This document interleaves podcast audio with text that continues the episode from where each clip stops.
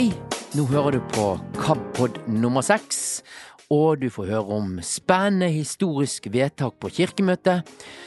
Og nå, du, nå kan du stemme helt sjøl på kirkevalget via datamaskinen. Jeg tester og gir karakter. Det blir ny Oddkast, og du får møte ny ansatt i KAB-systemet. Heidi Madsen hun ser viktigheten av å påvirke kirken, så hun stiller til runde nummer to i menighetsrådet. Skal jeg tørre det? Skal jeg vri kniven litt rundt? Ja, jeg gjør det.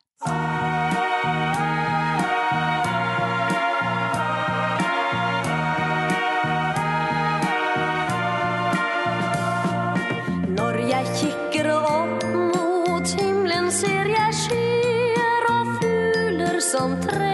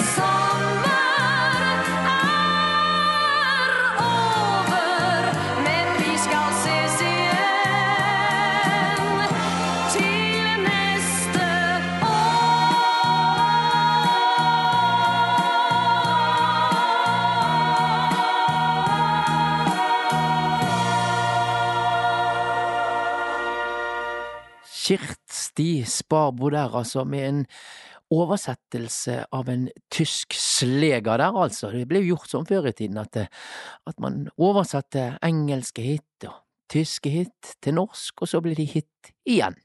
Med norsk språkdrakt. Du, og så husker jo jeg utrolig, sant, vi skulle ha ferie, og vi hadde seint ferie, vi var ungdommer og skulle på hytten, ha fyr i peisen, kose oss, lese bøker, og så kommer det der ut på fredagen seint i august og slår på reiseradioen, og så er det den sangen som kommer når du har en uke igjen av sommerferien.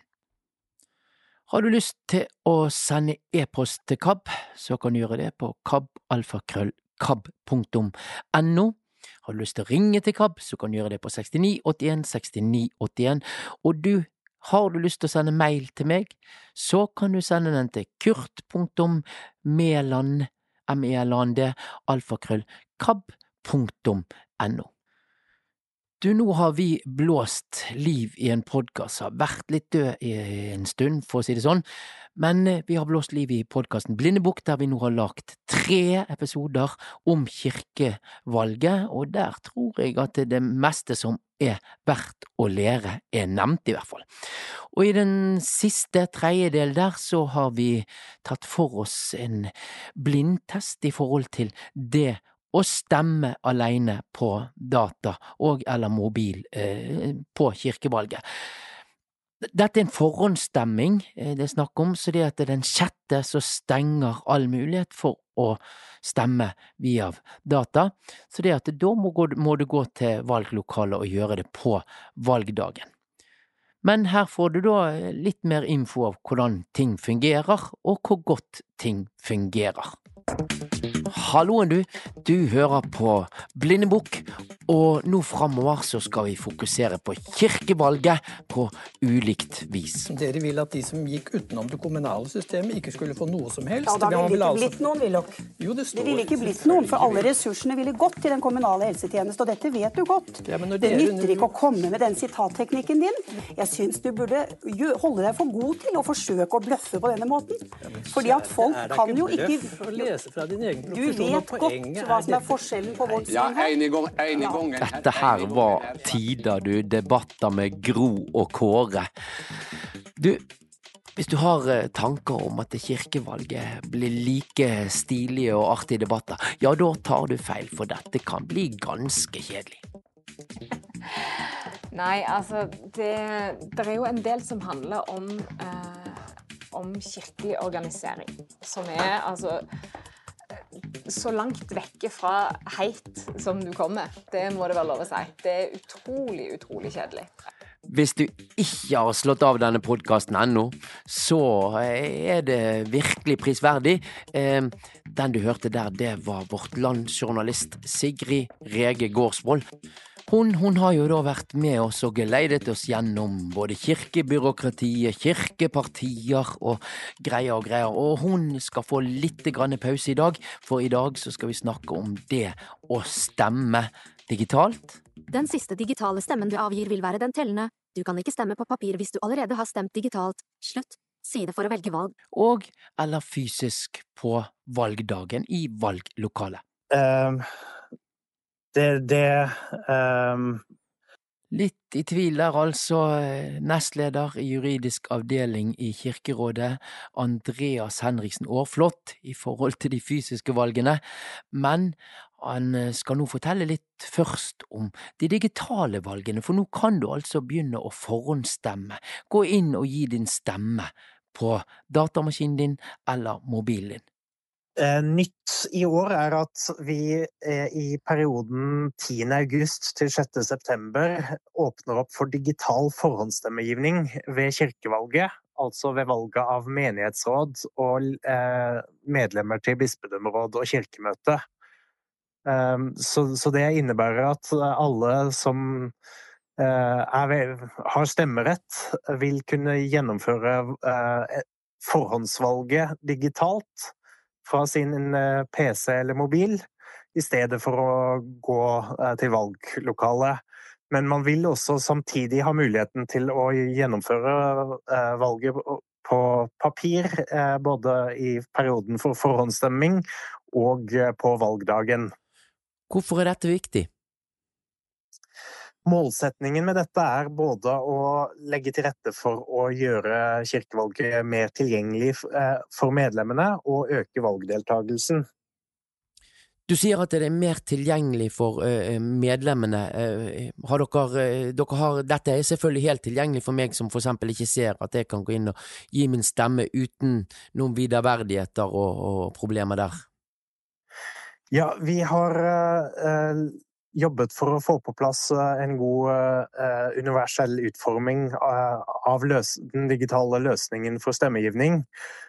Slik at man også da skal ha muligheten til å gjennomføre stemmegivningen hjemmefra også uten å se. Vi har fått en, en leverandør, eller Media LT, til å gjennomføre en eh, UU-test for oss av testdata for eh, kirkevalget 2023, for å se hvordan det fungerer ut fra kravene til universell utforming. Og hva var svaret der? Eh, Det fungerer tilfredsstillende. Eh, Så, var det i testingen noen eh, eh, mindre alvorlige ting som ble, avdekket, eh, som vi har jobbet med eh, å se på hva som kan rettes og gjøre, eh, gjøres bedre. Men generelt så, så er det slik at eh, man får, får til å, å stemme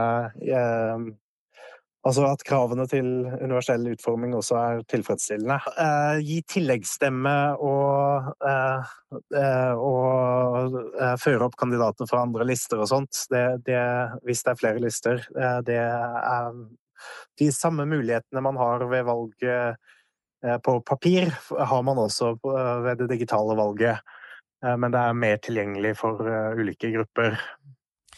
Du, eh, er dette egentlig en sånn løsning for at eh, de som for eksempel ikke ser da, eh, har hatt litt problemer med det der å gjøre et forsvarlig eh, eh, valg i valglokalet med det at man har lyst til at det skal være hemmelig og så videre. Er det et resultat av dette, det, det opplegget dere har kommet med nå?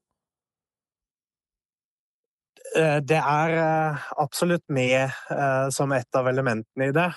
Så, må det også ses i sammenheng med at det er stadig flere som forhåndsstemmer altså stemmer på forhånd ved offentlige valg. Og kirkevalgene skjer samtidig med og i umiddelbar nærhet til de offentlige valgene. Har, på- valgdagen, men vi har ikke hatt samme mulighet til å ha åpne og tilgjengelige valglokaler i nærheten til de offentlige valgene i perioden for forhåndsstemming. Eh, Så, så det er også for å gjøre hele eh, kirkevalget tilgjengelig for eh, alle velgere. Men du, hvordan gjør jeg dette her, da? Man går inn på kirkevalget.no, og så vil man få mulighet til å logge seg inn med en digital ID, f.eks. bank-ID. Og da vil man komme inn på den digitale løsningen. Eh, Og så vil man der få eh, se hvilke valg man kan foreta. Eh, Normalt vil det være valg av menighetsråd og valg av leke medlemmer til bispedømmeråd og kirkemøte. Og så gjennomfører man de to valgene tur etter tur.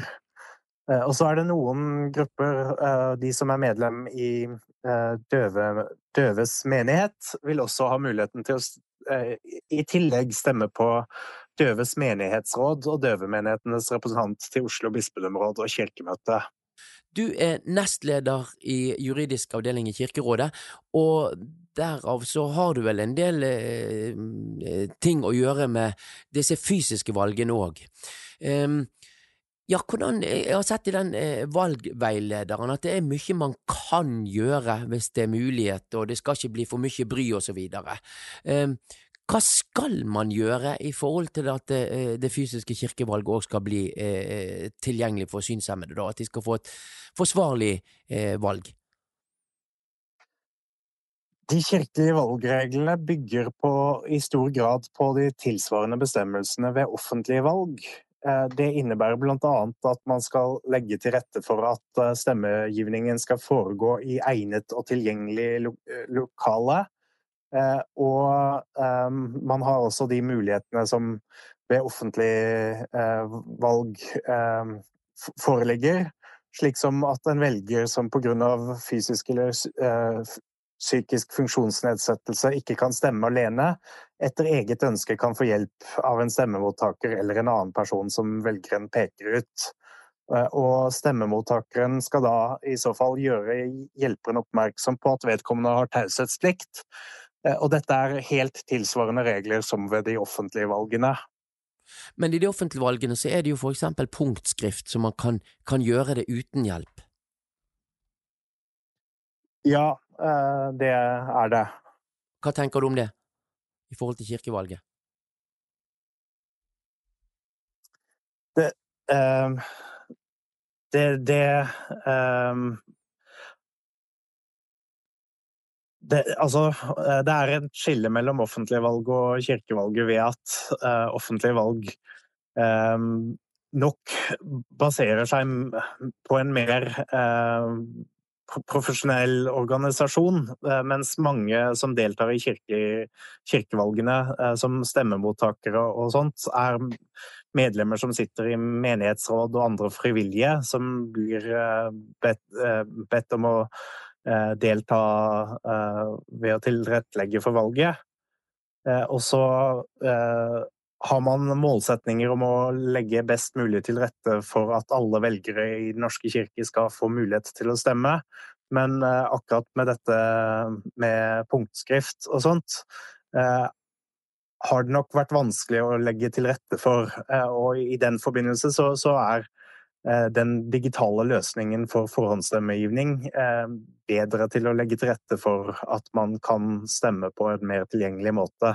Hva kan jeg kreve når jeg kommer til valglokalet, da? Eh, en velger i kirkevalget vil kunne kreve hjelp til å få, få avgitt stemme Eh, i henhold til den regelen jeg nevnte.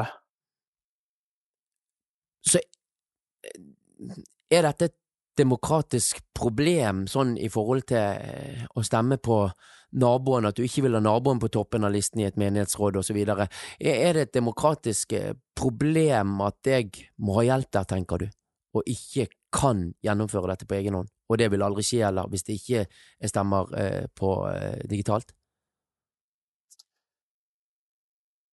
Formålet med eh, kirkevalgreglene er å legge til rette for eh, frie og hemmelige valg. Eh, og så så inneholder reglene en mulighet for at man i, i, på, på, akkurat samme måte som ved offentlige valg, at man kan få mulighet til å um, å um, få hjelp. Men um, Eh,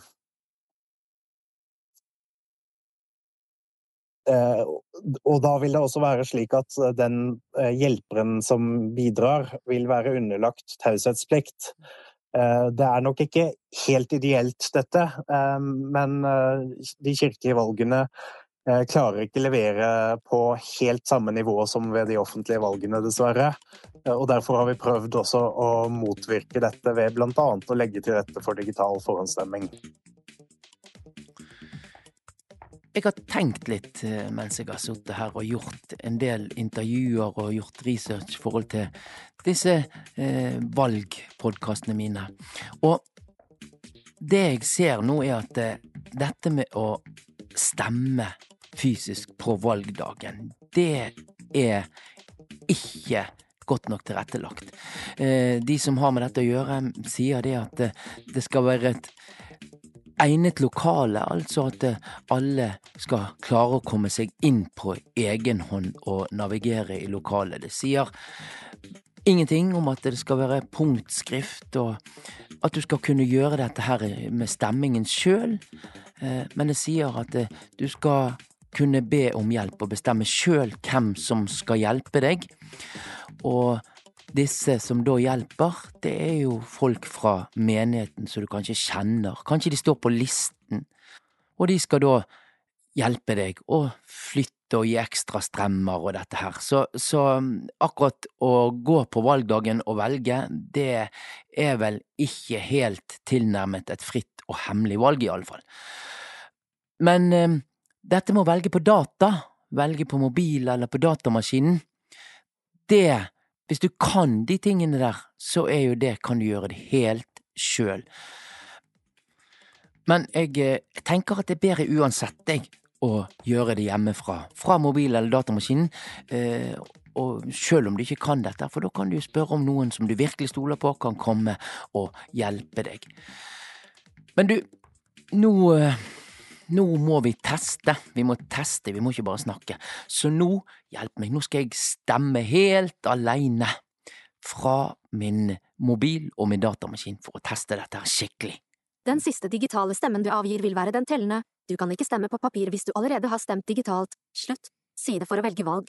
Dette er veldig enkelt. Nå har jeg logget meg inn med bank-ID, og jeg bruker mobil denne gangen. Jeg skal komme med et referat i forhold til hva som funker best av mobil eller eh, PC etter hvert. Men nå er det i hvert fall på mobilen, for da kan du høre hva som skjer. Navigasjonsmeny, knapp, trinn én av fire. Trinn én av fire, sant? valg. Kirkevalget 2023, oh, overskriftsnivå spennende. 1. jeg Side for å velge valg. altså. Velg det valget der du vil avgi din stemme. Dette er stort. Jeg har aldri gjort eh, stemming helt alene før. Dette her er jo helt fantastisk hvis vi får det til. Du kan velge hvilket som helst av valgene på listen under. Du Ja. kan avgi stemme. Menighetsrådsvalg start. 10, Den skal jeg ta. 08, 2001. Menighetsrådsvalg. Menighetsrådsvalg. Overskriftsnivå 1. Informasjon. Hjelp. Knapp. Menighetsrådsvalg. Overskriftsnivå 1. Si, ja. Informasjon om valget. Valgstatus. Åpent. Åpent, du kan stemme nå. Status for stemmegivning. Ikke stemt. Jeg har ikke stemt, sier de her, så går jeg videre nedover. Dette er din stemmeseddel. Velg alternativene du ønsker. Du kan velge gjør endringer på stemmeseddelen for å gjøre endringer på stemmeseddelen og gi personstemmer, eller du kan velge gå videre uten å endre stemmeseddelen for å se gjennom valget ditt og avgi din stemme. Eidsvåg-saken. Overskriftsnivå 2. Eidsvåg, sant? Det skal velge seks medlemmer og fire varamedlemmer. Nominasjonskomiteens kandidater er satt opp på valglisten i prioritert rekkefølge. Nominasjonskomiteens liste. Radioknapp. Ikke markert. Du hører at denne, dette er en knapp som jeg kan trykke på, og da har jeg valgt at det er denne listen Nå har jeg ikke gjort noen endringer, jeg skal fortelle litt mer om det etterpå. Nå, jeg, nå velger jeg den listen. Det var jo bare én liste, sant? Og så Bekreft stemme. Knapp. Og nå er jeg på håper å si den aller helligste knappen, for når jeg trykker her, så er stemmen min levert. Men du kan stemme akkurat så mange ganger du vil. Så nå trykker jeg på den her, og da blir stemmen min levert. Bekreft stemme. Nedtronet. Endre stemme. Support. 23. Endre Der. bekreft stemme. Tilleggsstemmer til bekreft stemme. Nedtronet. Knapp. Der er stemmen min. gitt. Din stemme er blitt sendt riktig. Lukk. Dette er helt fantastisk. Nå har jeg klart å stemme. For første gang i mitt liv er det bare min kjære firbeinte førerhund som vet hva jeg har stemt på. Du, eh, nå stemte jeg jo på mobil, og det funket eh, ok, det, men eh, det var ikke mulig å hake av personer som du ønsket å gi en ekstra stemme. I alle fall så så jeg ikke at jeg hadde haket av noen personer. Eh, men på datamaskinen så funket det veldig bra. Der var det mye bedre. Men du, du får, må huske for å finne stemmeknappen når du har fulgt inn eh, det du har ønsket å gjøre, ja, da må du først faktisk se gjennom de du har valgt. Altså, det er en knapp som er der, som du trykker på for å se gjennom de du har valgt, og så finner du stemmeknappen. Men når du har valgt Først velger du listen som du hørte i sted på mobilen. Først velger du listen, og når du har valgt listen, så kan du ta skjul og vise eh, med kandidatene. Og hvis du har lyst å gi noen av disse stem ekstra stemme, så må du gå nederst på skjermen, og der finner du ulike alternativer, om du vil gi fra ekstra stemme til en på denne listen, eller hente inn andre fra andre lister. Så jeg vil gi faktisk valg på PC seks av seks, mens mobil, valg fra mobil, det var mer knotete, og det var ikke så oversiktlig i forhold til hvis du ønsker. Det var ikke mulig å gi eh, ulike kandidater ekstra stemmer. Da håper jeg at eh, dette har vært til eh, informasjon. Det skulle ikke være en lærebok, boken bruksanvisning i det å stemme digitalt, men jeg håper at eh, du har blitt inspirert til å gå inn og undersøke dette sjøl. Og du, jeg må bare si en ting, at jeg er stolt av å være med i denne organisasjonen. Den lille, effektive vaktbikkjen KAB, altså.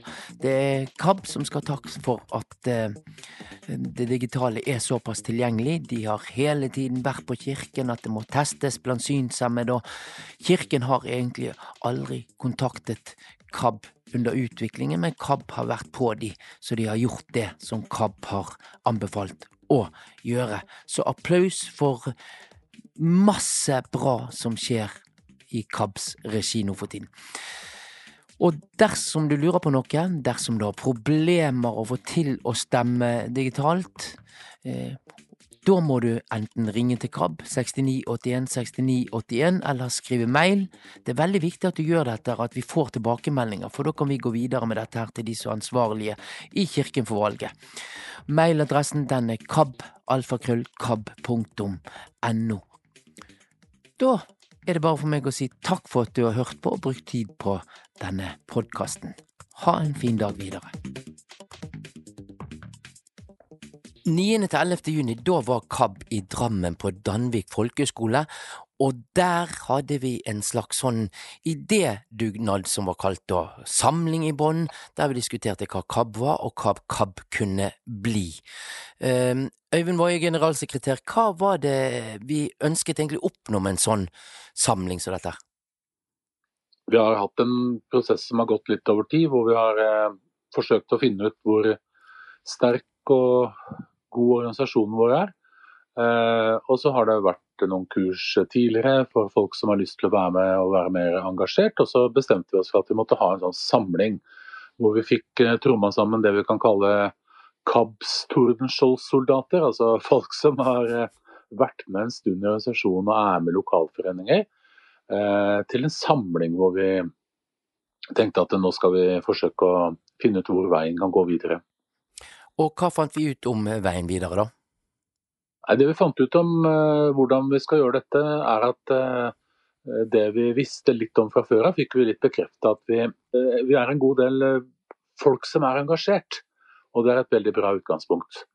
Og så er det vel et mål at vi skal bli litt flere, fordi organisasjonen KAB trenger å styrke seg litt og få litt mer muskler.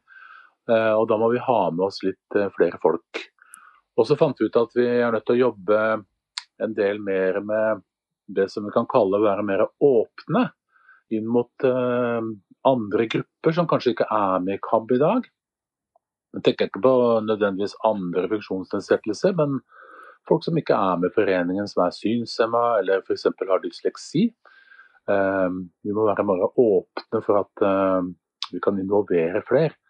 Og det, et annet viktig spor er jo at nå har vi tre lokalforeninger, og vi ønsker å starte aktivitet flere steder enn det.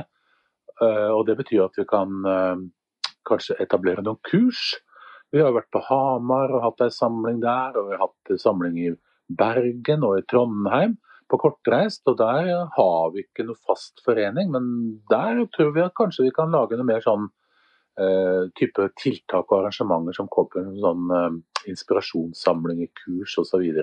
Vi er ikke mange, sier du, og vi bør bli mm, flere. Har vi funnet ut litt mer hvordan vi skal gjøre den tingen der? Vi har satt i gang et arbeid nå med å styrke medlemskapet. så I disse dager så sendes det ut et medlemskort for første gang, så vidt jeg vet, i KAB. Nå kan det hende at noen ler litt av det, for hva skal vi med et medlemskort i KAB? Jo, det er et synlig bevis på at vi har en tilhørighet, og det syns vi er viktig. Og med det medlemskortet så følger det en del fordeler, som, som er at alle kan få en gratis Nytestamentet f.eks. Og alle kan prøve en lesetjeneste som heter Next Story i en periode. Og man får litt rabatt på arrangementer og sånne ting. Og den biten som handler om fordeler ved medlemskapet og muligheter i det, det, det jobber vi, vi videre med. Og så er jo KAB også åpen for at, eh, helt åpen for at seende, alle, hvem som helst, kan være medlem. Så det spørs f.eks. om vi skal forsøke å verve litt framover. Eh, at folk som er med i KAB og setter pris på KAB, kanskje kan invitere folk til å bli medlem. Og så handler det om hvordan disse medlemmene kan aktiviseres mer med ulike arrangementer. Sånn som denne høsten her f.eks., så er det jo en lansering av en bok som eh, Heidi Halvorsen har skrevet. og Det er et KAB-arrangement som er i Vestfold. Det er vi som inviterer til det. og Det er en sånn type aktivitet som, eh, som dukker opp som en sånn paddehatt. Og så har vi disse lokalforeningene som har forskjellige aktiviteter som folk kan være med på selv om de ikke er medlem av KAB eller kommer litt unna fra. Vi hadde nylig en tur til eh, Osloforeningen hadde nylig tur til Lunde i Telemark, til Gunnar Aie, og Den turen var jo først og fremst for medlemmene i Oslo, eller folk som var interessert i å være med fra Oslo. Men da var det også andre som var med på den turen. Det kommer en reportasje fra dette Samling i bånd-arrangementet etter eh, en stund nå. Eh, og, og, en ting som jeg eh, biter merke i, at det, det er noen som er veldig for lokalarbeid, men de er redd for at de skal miste disse nasjonale samlingene der de treffer alle. På generalforsamlinga sist så vedtok jo generalforsamlingen at den ville ha denne satsingen ut mot regionale og lokale samlinger. Og så står det også i den strategien at eh, det skal være nasjonale samlinger. Altså arrangementer som man kan reise på eh, til et felles sted uten at det er en lokalforening som arrangerer det. Og jeg tror vi må øve oss litt på det å bli flinkere til å tenke at eh, det ikke nødvendigvis er noe som er vårt arrangement eller mitt arrangement. Vi er nødt til å tenke mer fellesskap og det å stå sammen framover. Og så jobber også vi med nasjonale arrangementer som flere kan delta på. Eh, I sommer hadde vi en pilegrimsvandring. Det var åpent for hvem som helst. Ja, ja, jeg vet at man måtte kunne gå langt, så da var det jo de som var flinke til å gå, som kunne være med. Men det var en nasjonal samling. Vi jobber nå med plan for en eh, samling til sommeren 2024, som skal være åpen for absolutt alle i KAB. Eh, så det, det, blir det noe av fremdeles. Og så er noe av utfordringen på det at disse arrangementene har en veldig høy kostnad. Og da må deltakerprisen gå noe opp. Fordi det er vanskelig å få støtte til en sånn, en sånn generelt møtesamling, på en måte. Det må bli litt sånn spissa med noen temaer og sånne ting. Navnet eh, Samling i bånn, det høres jo litt så negativt ut, det, det navnet på den samlingen vi hadde nå. Men KAB er vel mer i, i, i vinden enn noensinne? Ja, Det var ikke meninga å gjøre det negativt, for de samling i bånn i Indre Østfold det betyr at vi rett og slett eh, starter eh, på et sted hvor vi har et trygt fundament, og så bygger vi oppover derfra. Så, og, og, og, det er riktig at KAB er i vinden. KAB blir jo hørt eh, i Kirke-Norge og i Frikirke-Norge. Vi har jo fått gjennom vedtak som kommer til å ja, påvirke oss veldig positivt framover. Og så har vi jo veldig flinke folk i lokalforeningene. I alle de tre foreningene vi sitter med nå, så er det nye tiltak og nye arrangementer som kommer opp. Og det er vekst i medlemsmassen eh, lokalt. Og nå runder vi vel ca. 600 betalende medlemmer. og det jeg skjønner ikke helt at folk kan være med og bruke KABs tilbud uten å være medlem. Altså Det koster 125 kroner i året. Det er jo ingenting det er snakk om når det gjelder penger. Og for hver gang noen betaler medlemskontingenten, så utløser jo det statsstøtte på kanskje 2000 kroner per medlem. Så det må være den aller beste, fineste måten å gi en gave til KAB på nemlig å melde seg inn og vise at denne organisasjonen her, den slår jeg ring om, den har jeg trua på. Så da kan jo appell være da, Øyvind, at eh, leser du bøker fra KAB sitt lydbibliotek uten å ha blitt medlem, ja, og ønsker fortsatt at vi skal produsere bøker, ja, da må man kanskje bli medlem? Ja, Vi kan ikke tvinge noen til å bli det, men hvis vi ikke hadde hatt medlemmer og hatt en organisasjon, så hadde vi aldri hatt de tilbudene vi har i dag. Så det er en måte å sikre fortsettelsen på det. og og gi KAB et litt sånn begeistra klapp på skuldra og si at yes, dette her, det er bra, det vil jeg heie på. Vi har jo en eh, gledelig nyhet, en slags eh, nyskaping, eh, Øyvind, men ikke, ikke, helt sånn ukjent. Vi har fått en ny, gammel medarbeider. Vi er gode på gjenbruk av tidligere KAB-medarbeidere, og nå har vi fått tilbake Kari Underland, som jobba hos oss som redaktør, og mye på KAB-pod og Lydavis tidligere. Nå skal Kari jobbe med organisasjonsutvikling. Så det her henger også sammen med samling i bånd og den satsinga som generalforsamlinga ville ha inn mot lokalforeningene. Så Kari blir en kontaktperson for lokalforeningene, og en person som skal utvikle mer lokalt og regionalt arbeid. Skal jobbe litt med å skaffe oversikt over hvor man kan søke penger, f.eks. Og skal være en sånn eh, skapende kraft i den organisasjonsutviklinga. Og så skal hun ha en liten stilling også, som handler om å informere mer om hvordan man kan bruke lydbiblioteket godt. Da får vi høre hva Kari sjøl sier om å komme tilbake til KAB. Ja, Kurt. Jeg er tilbake i KAB, øh, og um, det syns jeg er skikkelig fint. Det er veldig bra å være tilbake. Eh, jeg jobba jo i KAB i fem år som redaktør, og så var jeg to år borte, for da jobba jeg i skolen. For jeg er egentlig lærer, men nå er jeg tilbake igjen.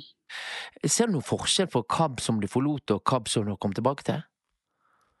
Ja, faktisk. Eh, nå var jeg så heldig å være med på tur til Oslo i helga. Og da traff jeg faktisk en del nye folk som har begynt i KAB siden sist jeg var med. Og så syns jeg jeg ser en, liksom, en ny giv med folk og med tiltak og ting som vi har lyst til å satse på, og, og det er jo kjempebra. Du var jo på sånn låvesang, var ikke det du var med på? Ja, det var låvesang. Vi reiste fra Oslo med buss eh, til en låve nede i Telemark, der Gunnar Ayer eh, hadde et arrangement. Så da var det 30 synshemmede og ledsagere som var med på et flott allsangarrangement der. KAB har jo alltid variert eh, tinga vi lager til, men jeg syns jeg ser litt nye ting nå, ja. Og det, det er veldig bra. Eh, hva, hva har du tenkt å gjøre i KAB nå, da? ja. Nei, du, jeg skal drive med informasjonsarbeid. Skrive artikler, publisere på nett og sosiale medier. Det regner jeg med det blir noe av. Og så skal jeg være en slags støtte for lokalt arbeid i KAB rundt omkring i landet. Altså hjelpe til med kanskje praktiske ting i lokale arrangementer i lokalforeninger.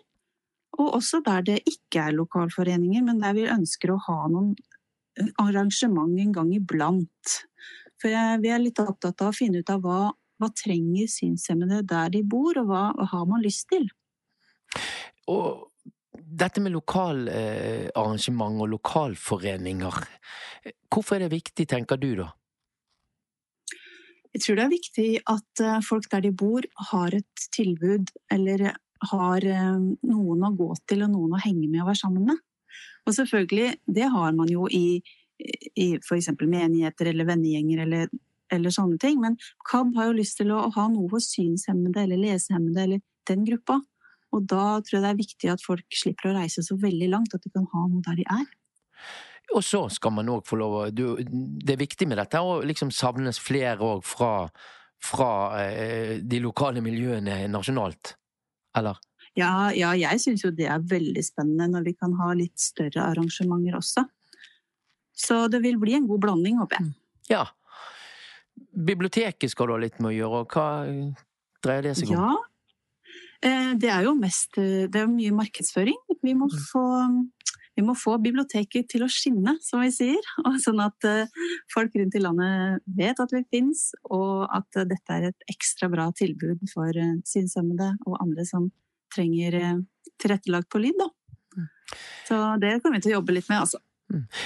Du, eh, savnet du Kavneverket? Ja, altså, det, når jeg først kommer tilbake igjen, så er det klart at det er jo fordi jeg har savna dere. klart det. I hvert fall så, veldig steikende kjekt å ha deg tilbake. Ja, det er veldig, veldig deilig å, å være her igjen, altså. Veldig bra. Mm. Da må du ha lykke til med å få biblioteket til å skinne enda mer, da. ja, tusen takk. Ikke si det som det er, du snill. Jeg ber deg på mitt inderligste kjær.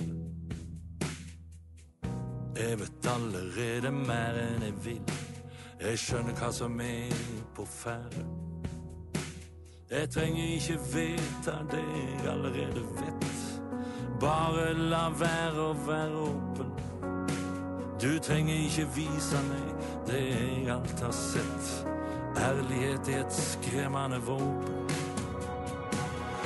Ikke si det som det er. Ikke si det som det er. Ikke si det som det er. Ikke si det som det er. Ikke si det som det er, du snill.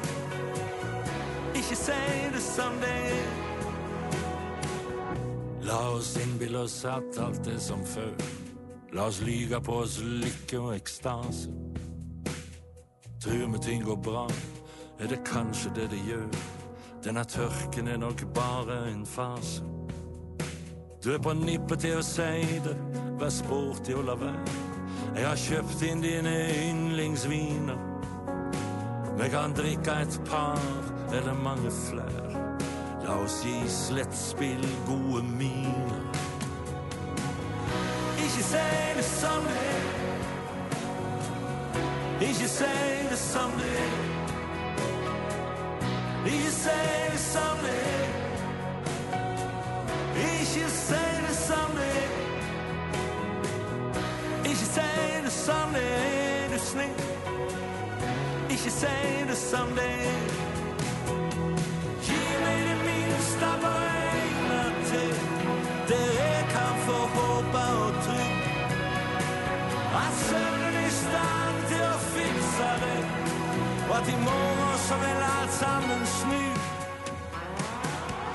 Ikke si det som det er. Ikke si det som det er. Ikke si det som det.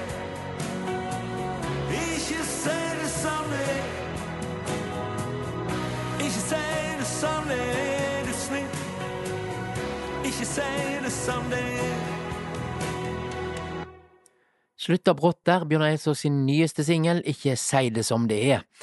Og det er litt sånn kjekt å høre at Bjørn Eidsvåg har kommet litt tilbake til det der at han tør å trykke til litt, og det kan vi vel takke Emma Steinbakken og hennes musikkprodusent fra dette programmet Bjørn Eidsvåg var med på, fikk gode kritikker hver gang vi møtes. Dette du hører her, du, det er Ivrig krabbere, det, som var samlet på Danvik folkehøgskole fra 9. til 11. juni, der de diskuterte hva KAB var, og hva KAB skulle og burde bli. Du skal få høre noen av tankene til noen av de som var med på denne Samling i bånn, som idédugnaden het. Du får først høre litt av eh, Torleif Kars sine tanker. Altså, vi samler en liten og sær gruppe. Eh, som både er synshemma, og som i eh, tillegg har kristeligøse interesser. Eh, og da kan det jo bli ganske få på hvert nes, på hvert lokale sted. Og, da er, og, og når vi er sammen på nasjonale arrangementer som det her, så så syns vi det er veldig hyggelig å treffe hverandre på tvers av eh, geografiske soner, på tvers av landet, altså fra hele landet. Sånn at vi er, vi er noen som er litt sånn bekymra, er kanskje ordet, for at eh, lokalfokus, lokalfokuset skulle på en måte ta fra oss eh, det. Så det er ikke noe, er ikke noe at jeg ikke liker det lokale fokuset. Men, men, kanskje heller at jeg, at jeg, og flere syns det er veldig fint å møte andre eh, på nasjonalt nivå, da, og at vi må fortsette det, det, lokale fokuset må ikke bli noe hinder for det, da. Eh, kort, trøndere snakker jo ofte mye. Ja. Eh, dine drømmer for kabler? Nei, det er vel Jeg skulle gjerne ha De snakka om at Agderforeninga skulle til månen. Jeg skulle gjerne likt å komme til Mars. Cecilie Engedal Wendelborg, du har òg vært her på dette her Samling i bånd, der vi diskuterer KAB som organisasjon og tanker på hvordan KAB skal være i fremtiden. Hva mm. tenker du om det? Nei, jeg tenker jo at det skjer mye spennende eh, i organisasjonen. Jeg har jo liksom kommet tilbake etter å ha vært borte mange år. Um, og litt av grunnen til at jeg kommer tilbake, er at det endelig begynner å skje noe, som eksempel i Agder, hvor jeg er med av og til. Um, og jeg syns jo det med å fokusere på tilrettelegging, det med å gjøre eh, KAB synlig der medlemmene er, ta med KAB ut der folk er, det syns jeg er veldig viktig. Og så er jeg nok litt her for å være litt vrang og vanskelig og stille noen spørsmål av og til. Hva spørsmål vil du stille da? Hva, hva er det du skal være vrang for i forhold til KAB nå? Nei, det går jo på eksempel eh, Åh, det er ting jeg har sagt før i dag, men, men sånne ting som eh, Eh, hva er forskjellen på KAB og Blindeforbundet, for eksempel? Når vi har et gruppearbeid. Ja, eh, Blindeforbundet skaper trygghet, de skaper sosiale sammenhenger. Eh, men hva er forskjellen da på KAB og Blindeforbundet? Hva gjør KAB som Blindeforbundet ikke gjør? Ja. Da... mener kanskje at hvis ikke vi tenker de tankene, så trenger vi ikke KAB? Kanskje. I hvert fall så må vi være bevisst tankene, da. Så da eh, prøver jeg å tenke ja, men hva er forskjellen, hva får vi i KAB som vi ikke får andre steder? Rett og slett. Eh, jeg drømmer om en organisasjon som er eh, med meg der jeg vil at de skal være med. Så hvis jeg har lyst til å reise på eh, pilegrimsvandring til Santiago de Compostela, og så kan KAB lage en tur for det. Eller hvis vi skal til på fjelltur med bibelvandring, så kan de organisere det. Altså være der medlemmene er. Heidi Madsen, en eh, annen deltakerne, hun er veldig fornøyd med at KAB arrangerer en sånn idédugnad.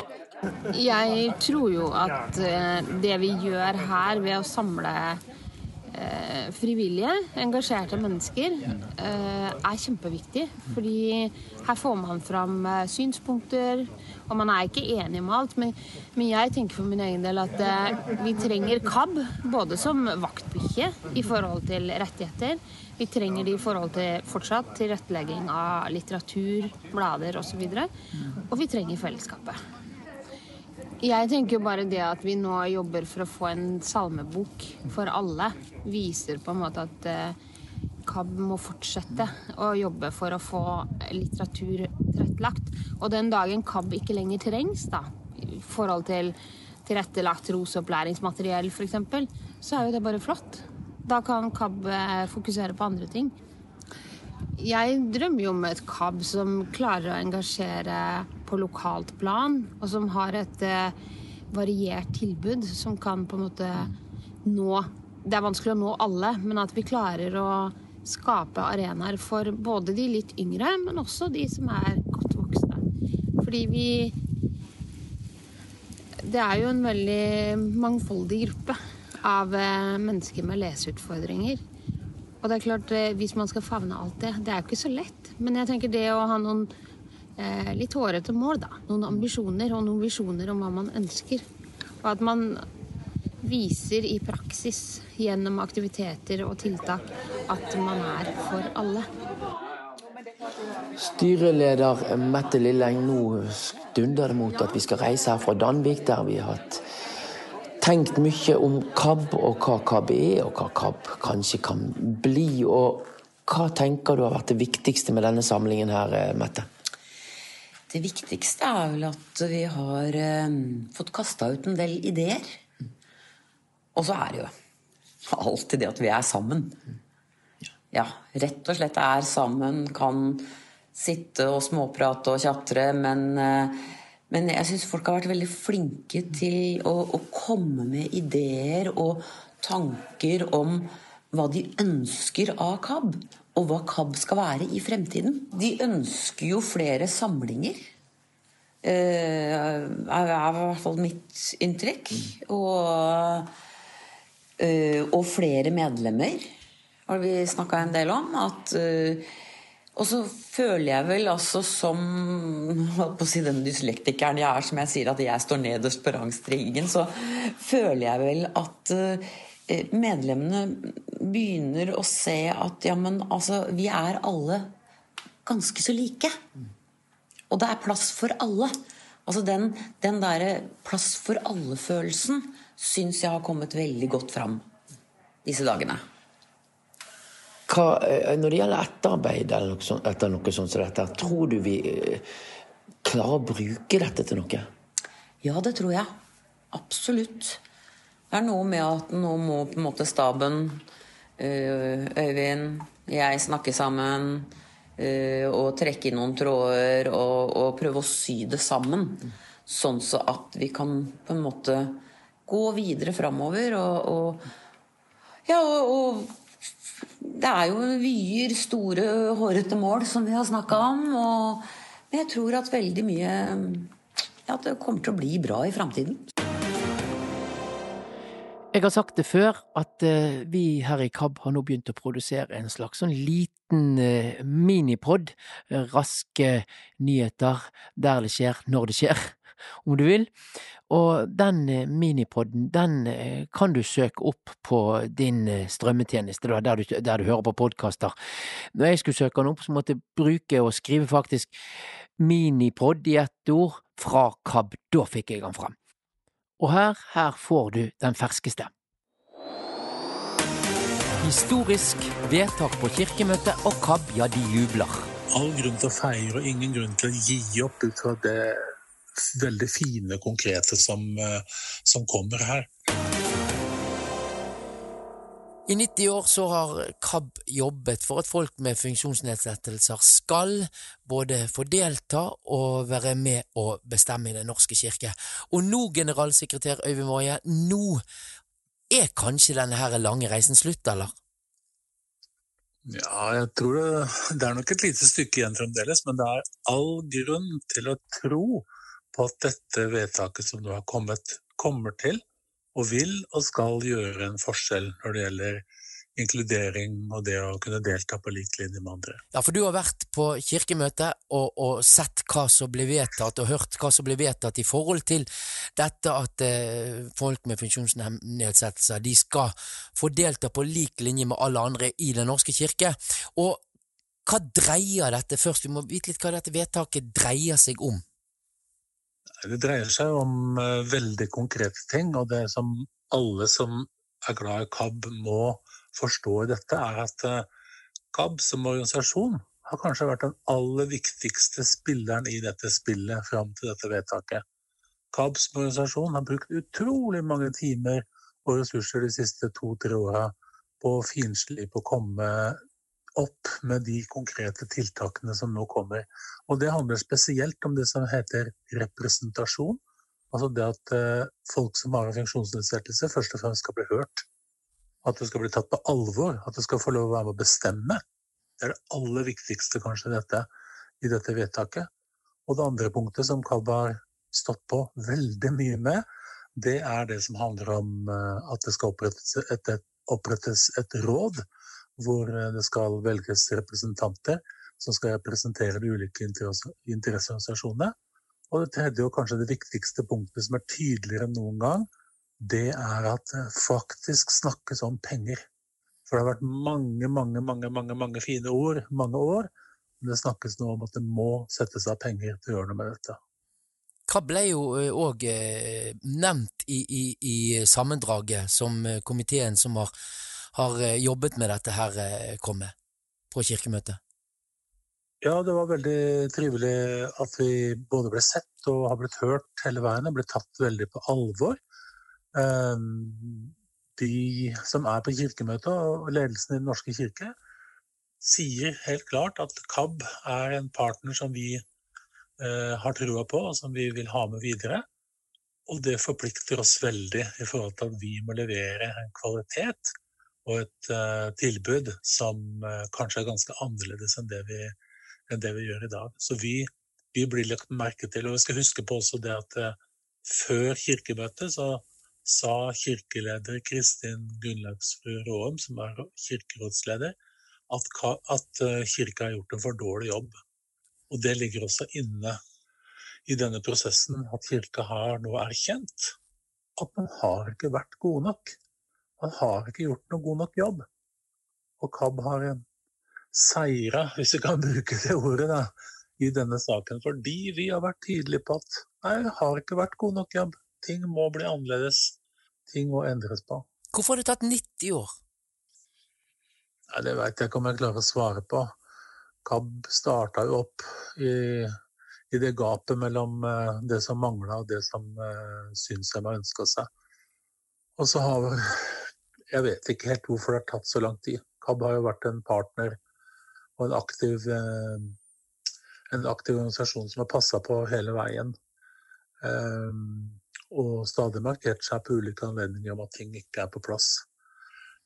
En forklaring er kanskje at det, det generelle nivået på rettigheter i samfunnet vårt, på dette med rettigheter for eh, folk med ulik rasebakgrunn og etnisitet, folk med ulike seksuelle legninger. Altså rettighetsperspektivet har blitt veldig, veldig sterkt. Og det slår positivt inn også for mennesker med funksjonsnedsettelser, som, som anses som en minoritet i samfunnet. Så kanskje det er noe med at tida endelig var moden.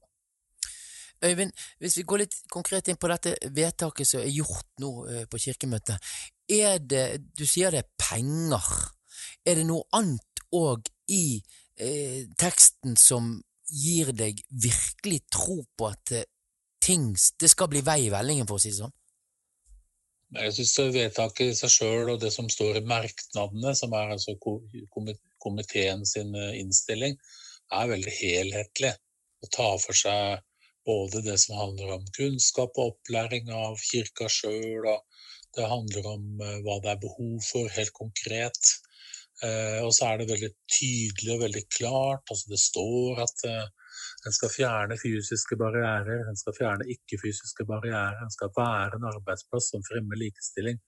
Og det står så klart at det er vanskelig å vri seg unna. Altså, når vi sitter her om ti år og ser oss tilbake, så kan vi ta alle disse punktene nesten punkt for punkt og sjekke ja, hvordan gikk det nå egentlig, og hvorfor gikk ikke dette? Ja, du som Så- generalsekretær i KAB får jo ofte her, eh, disse ordene du, Øyvind, at det, ja, det er masse fine ord, men hva, det blir jo ingenting av det. Nei, Hvis vi skal tenke sånn, så kan vi egentlig bare slutte å jobbe med det vi holder på med i KAB. For det er liksom prosessen vår hele, hele veien. At vi, vi, må få, vi må få orda opp, sånn at du får en erkjennelse på det. Jeg mener det er en sterkere erkjennelse på det nå, at vi har gjort for dårlig jobb. At vi er nødt til å rette opp det som ikke er på plass ennå. Og det er liksom hele prosessen vår med å drive som en sånn interesseorganisasjon er jo rett og slett å ha trua på det, at det går an å endre på ting. Og den troa har jo KAB hatt i 90 år. Eh, ellers, hadde vi ikke, ellers hadde ikke vi eksistert i dag. Så jeg tenker at det er all grunn til å feire og ingen grunn til å gi opp ut fra det veldig fine, konkrete som, eh, som kommer her. Det skal jo blant annet lages en økonomisk analyse, står det. Det skal ikke bare kartlegges eh, hva som gjøres, men skal, skal, man skal finne ut hvor mye penger kirka bruker på mennesker med ulike funksjonsnedsettelser. Og en skal se på om det er nok i forhold til den planen som skal settes ut i livet og til rådet. Så det er veldig, veldig konkrete ting. Så konkret har det aldri vært før. Ja, og så er det dette her funksjonshemmede rådet, da, Øyvind. Eh, hva tenker du eh, i forhold til det, i forhold til sammensetning og sånt? Nei, Jeg tenker at eh, Der må en heller ikke gå i den grøfta og si at ja, det er ingen råd for funksjonshemmede som funker i norske kommuner, så det kan vi bare legge ned. Det er jo råd som funker ganske brukbart. Det er, det er prosesser og det er diskusjoner, men det er en lang vei framover for å få det til å bli helt optimalt. Og den veien gjelder også for dette rådet her. Eh, Så målet er å ha en så bred representasjon som mulig fra ulike interesseorganisasjoner inn i rådet, som står fritt til å vedta, øh, å vedta og, og, behandle hva som helst, egentlig. For det, det er det veldig tydelig på fra Den norske kirkes side, at eh, alle saker som det rådet mener angår funksjonshemmede på en eller annen måte, de sakene kan rådet ta opp. Og rådet skal være rådgivende overfor Kirkerådet, Kirkemøtet og Ungdommens kirkemøte. Så, så, så, så der er det viktig å få på plass eh, gode og litt sterke folk nå i begynnelsen. For eh, det er jo der mye av den eh, konkretiseringen av dette flotte vedtaket nå vil skje framover. Hvem skal bestemme hvem som sitter i det rådet, tror du? Nei, det, må, det har landsstyret fått i oppgave, å finne tak i hvordan man nå på en best mulig strategisk måte kan sikre gode posisjoner i det rådet. Så det er det landsstyret i KAB som skal bestemme, og så eh, foreslår man det inn til eh, rådets sekretær eller sekretariat, og så blir det den, den eller de personene som man ønsker. Så det blir ikke noe, det blir ikke noe avstemning utover det. Det, er, det blir de som, som en eh, ønsker at en skal få, som man får inn. Så KAB kommer til å ha stor innflytelse på hvordan dette rådet skal eh, settes sammen og virke. Ja, vi har i hvert fall innflytelse på hva rådet skal ta opp, hvordan det skal settes sammen. Det eh, er litt mer diffust foreløpig, så vi vil, ha, vi vil jo ha innflytelse i den prosessen. Og det tenker jeg også er veldig viktig å ha klart for seg, at man er ikke framme ennå. Nå nå begynner man på en veldig konkret vei framover, og den veien ser veldig lovende ut, fordi rådet har jo hatt et forum med forskjellige interesseorganisasjoner som jobber i kirka, og det er veldig enighet, opplever jeg, da, på tvers når det gjelder folk med hørselstap, folk med synstap og lesevansker, og folk som jobber med utviklingshemmede også. En del grunnleggende ting som en er veldig enige om, som handler om opplevelsen av utenforskap, opplevelsen av ikke å bli bli prioritert økonomisk. Og så er det mange spesielle særinteresser som gjelder for, gjelder for den enkelte gruppa. Men det er en plattform der som er helt eh, ny og unik, opplever jeg. Men KAB skal fortsatt eh, slite i halsbånd og flekke tenner og knurre. ja, det er, jo, det er jo det som eh, kan være litt vrient, da. Men dette rådet vil jo kunne ta opp eh, en hvilken, hvilken som helst sak. Den vil ikke behandle personsaker som handler om akkurat den personen, men den saker som er av prinsipiell karakter. enten det nå er en salmebok som mangler, eller eh, et lysanlegg som bør bli bedre i kirkene rundt omkring, så, så kan dette rådet ta det opp, og de skal faktisk da bli hørt. Det går ikke an å bare skyve dem vekk. Jeg syns det var veldig gledelig og inspirerende, ikke minst, å være på kirkemøtet og høre da Kjersti Toppe som kommer med alle disse milliardene som skal brukes til oppussing av eh, gamle kirker i Norge, og som presiserer at selvfølgelig skal en del av disse pengene gå til universell utforming. Det er jo gledelig at disse tankene er med tidlig i prosessen i forhold til hva de ofte har vært. Og så tror jeg at dette her har sprengkraft utover Den norske kirke. Det er jo noen som ikke henger så mye i Den norske kirke, som er litt lei av denne skvaldringa av Den norske kirke. Eh, dette her vil påvirke pinse, pinsemenighetene. Dette vil påvirke de frie forsamlingene. Dette her vil påvirke over hele linja. Det samme gjelder når vi får salmebok opp og gå, som er tilrettelagt for alle, så vil det påvirke også de andre kirkesamfunnene. Har senest i dag hatt eh, henvendelse fra en som jobber på tvers av kristne organisasjoner, og spurt om ikke KAB vil være med, være med i et eh, mer tverrkirkelig fellesskap også, som handler om universell utforming. Så dette her, her er en snøball som, som har begynt å rulle, og som ruller i samfunnet generelt, og kanskje litt internasjonalt også, eh, hvor vi nå er med helt i førersetet, og det er jeg stolt av. Er vi nærmere en salmebok nå etter dette vedtaket? Ja, det vil jeg påstå at vi er, men jeg kan ikke akkurat si når den kommer. Men uh, når vi blir invitert til uh, møte i Kirkerådet etter at vi har vært på kirkemøte fordi vi har påpekt at det er en utfordring, så regner jeg med at det kommer til å være nærmere. Vi er ganske nærme nå sannsynligvis en salmebok som e-bok, som vi skal låne ut via lydhør. Og bare det i seg sjøl vil jo være et spennende alternativ når uh, salmeboka kan leses både med store bokstaver og med talesyntese med punktskrift digitalt. Har du lyst å lese mer om eh, dette vedtaket, ja, så gå inn på KAB sin nettside. Der finner du en artikkel fra generalsekretær Øyvind Woie, og du finner mye mer spennende òg, for eksempel mange podkaster vi har laget. Dette fantastiske vedtaket du som nå er, er gjort på kirkemøtet, det kreves kløkt og godt politisk arbeid. Og det er veldig viktig at, at man engasjerer seg, tenker jeg, og, for da kan vi forme kirken, og da kan vi være med og påvirke. Så husk det at 6. september, jeg tror det var klokken 15 de stengte ned valg på data forhåndsstemming, så det at du må være kjapt ute på den 6. september og stemme. En som er med og påvirker i kirken, det er Heidi Madsen. Hun går nå på sin andre runde i menighetsrådet i sin menighet. Det er jo et eh, ønske om å bidra, da. Et ønske om å eh, egentlig holde på med diakoni, men også være med å påvirke kirka der jeg kan. Hva er det du vil påvirke, da? Jeg ønsker jo at kirka skal være mest mulig åpen for alle. At den skal inkludere.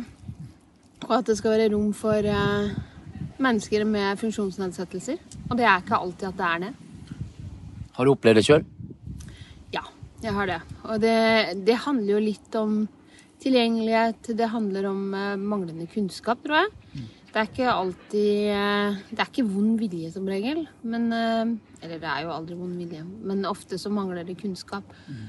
Og det mangler en del på holdninger. Fordi at altfor mange menigheter dessverre har en tanke om at eh, når du sier at det kommer en synsomhet, så ser man for seg en rullestolbruker uten språk. Jeg, og jeg har aldri helt skjønt den koblinga, men, men, jeg tror det er fra gammelt av at man tenker funksjonshemma, da sitter du i rullestol, og så sitter du uten språk. Hva Så du, du går inn i menighetsrådet rett og slett for å påvirke og kjempe litt for det du brenner for, da? Ja, absolutt. Og så er det noe med å være synlig, da. Nå har jeg sittet i fire år og mesteparten av den tida som menighetsrådsleder. Og jeg ser jo at en del av de utfordringene som er i min egen menighet, det har jo skjedd noe der nettopp fordi det sitter en synshemma i menighetsrådet. Hva Dette med å være synshemmet og være i et menighetsråd, hva slags utfordringer eh, innebærer det? Det er jo av og til noen eh, praktiske utfordringer når jeg på en måte må fortelle han som tar seg av logistikken på møtet, at eh, det hjelper ikke om du sender vedleggene opp på veggen, for jeg ser det ikke uansett. Du er nødt til å sende meg de på forhånd, sånn at jeg veit hva som skal skje. Og det er en sånn tilbakevendende greie. Det må jeg gjenta og gjenta og gjenta. Og noen ganger så kjenner jeg på at den er veldig slitsom, men så tenker jeg at ok, kanskje det til slutt skjer en forandring, da. Og jeg ser jo at det, det skjer jo endringer. Det er bare at det går litt seint. Men var det en tanke i menigheten at eh, du som synshemmet var ønsket i menighetsrådet, eller man måtte kjempe det litt fram at de forstår at du som synet, synshemmet kan gjøre en god jobb der? Jeg har jo en synsrest som gjør at de færreste tenker over at jeg er synshemma. Det blir på en måte først synlig når jeg kommer med stokk. Eh, og jeg kom inn i menighetsrådet rett og slett fordi jeg eh, spurte trenger dere meg. Og da hadde jeg en sogneprest som nesten besvimte, fordi det hadde aldri skjedd før. Eh, så for meg så var det et ønske om å være med og bidra. Og jeg var allerede ganske aktiv i menigheten. Eh, på andre plan. Det er jeg fortsatt. Men det var på en måte fint å kunne komme inn i menighetsrådet. Som ny i menighetsrådet så er det jo veldig mye du skal sette deg inn i.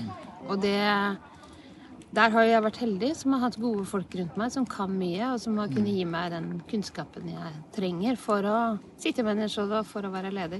Men jeg opplever jo at jeg behandles jo som alle andre.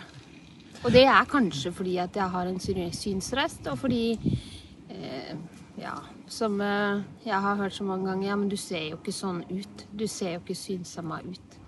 Og det har jo sine utfordringer igjen da ved, ved at man glemmer å legge til rette. Man glemmer å sette på den merkinga i, i trappene som jeg har mast om i to år. Altså, ja. Men det er jo viktig, altså det er veldig få synshemmede og med folk med funksjonsnedsettelser sitter i menighetsråd. Det har jeg ikke noe egentlig grunnlag for å si noe om, men ja, inntrykket mitt er det. Og at det er eh, unntaket framfor regelen. Så du appellerer du da til folk hvis de har lyst til å være påvirka, at da må man jammen sant bare stille seg til disposisjon. Ja, Jeg tenker vær frimodig. Kontakt din lokale menighet og si at jeg har lyst til å bidra. Og det vil overraske meg veldig om du ikke blir møtt på en veldig god måte. Har du følt at du har blitt møtt på noen dårlige premisser noensinne i forhold til synshemming i sånne ulike saker og menighetsrådsarbeid? Nei. Jeg har et veldig fint menighetsråd som jeg jobber godt sammen med. Har god dialog med stab. Det, er, eh, det handler om, ofte om tid, kapasitet, ressurser. Det er da ting gjerne skjærer seg. Men eh, så løser man det på en eller annen måte allikevel.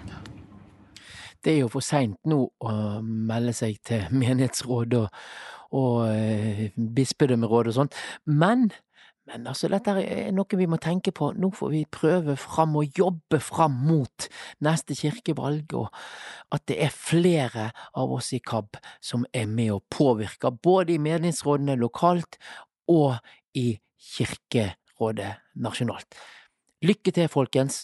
Nå er denne podkasten snart ferdig, vi skal slutte, men vi gjør det med noen vakre ting, nemlig Odd. Odd Østby sin Oddkast. Det blir tanker om tro denne gangen. Og så ønsker jeg eh, alle godt valg, og takk for at dere har hørt på denne podkasten.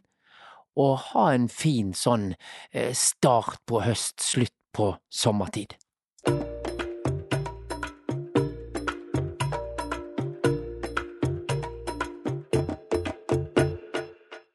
Hei, jeg heter Odd Østby, og her kommer en ny Oddkast. Etterlatt bagasje